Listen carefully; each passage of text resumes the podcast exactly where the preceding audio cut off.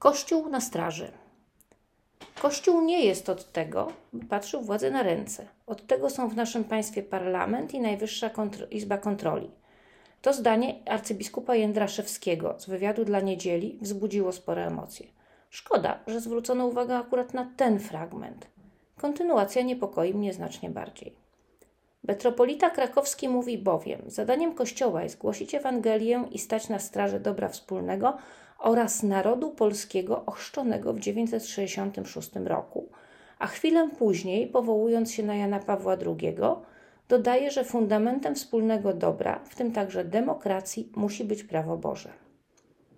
Cóż, jestem przekonana, że Kościół nie powinien stać się opozycją, podobnie jak nigdy nie powinien stać się władzą. Obie pozycje są równie niepożądane. Kościół jest od tego, by wszystkim głosić Ewangelię i wobec wszystkich bronić człowieka. Przede wszystkim tego człowieka, który jest ubogi, prześladowany czy poniżany. Ma bronić jego życia i jego ludzkiej godności, która zakłada także wolność, wobec wszystkich, którzy mają na nią zakusy. Niepokoi mnie natomiast, jeśli słyszę, że Kościół ma stać na straży narodu polskiego ochrzczonego.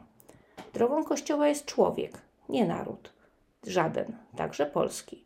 Drogą Kościoła jest człowiek, każdy, nie tylko ochrzczony.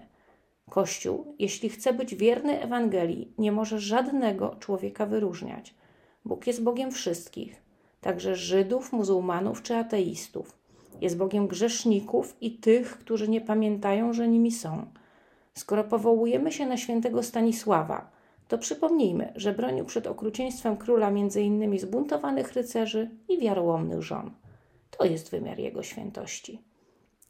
Niepokoi mnie także stwierdzenie, że fundamentem demokracji musi być prawo Boże. Tak, zgadzam się, że prawo Boże wypisane w ludzkich sercach jest najlepszym gwarantem dobra wspólnego. Pod warunkiem, że pamiętamy, że całe prawo i prorocy sprowadzają się do dwóch przykazań: miłości Boga i miłości bliźniego. Jeśli jakiekolwiek przepisy postawimy ponad tym prawem, uchylimy prawo Boże, by swoje zwyczaje zachować. Niekoniecznie w państwie, w którym żyją ludzie różnych wyznań, religii i kultur, należy prawo Boże przekładać wprost na prawo państwowe. Kościół, który oczekuje od władzy obrony narodu i wiary zamiast obrony każdego człowieka, nie jest wierny Bogu i Ewangelii, nawet jeśli mają nieustannie na ustach. Papież Franciszek w orędziu na 107 Światowy Dzień Migranta i Uchodźcy tak pisze o Bożym planie wobec świata i człowieka. Bóg stworzył nas jako mężczyznę i kobietę, istoty różne i uzupełniające się, abyśmy razem tworzyli my, które miało stale rosnąć wraz z pomnażaniem się pokoleń. Bóg stworzył nas na swój obraz, na obraz swego jednego i trójjedynego istnienia, w komunii różnorodności.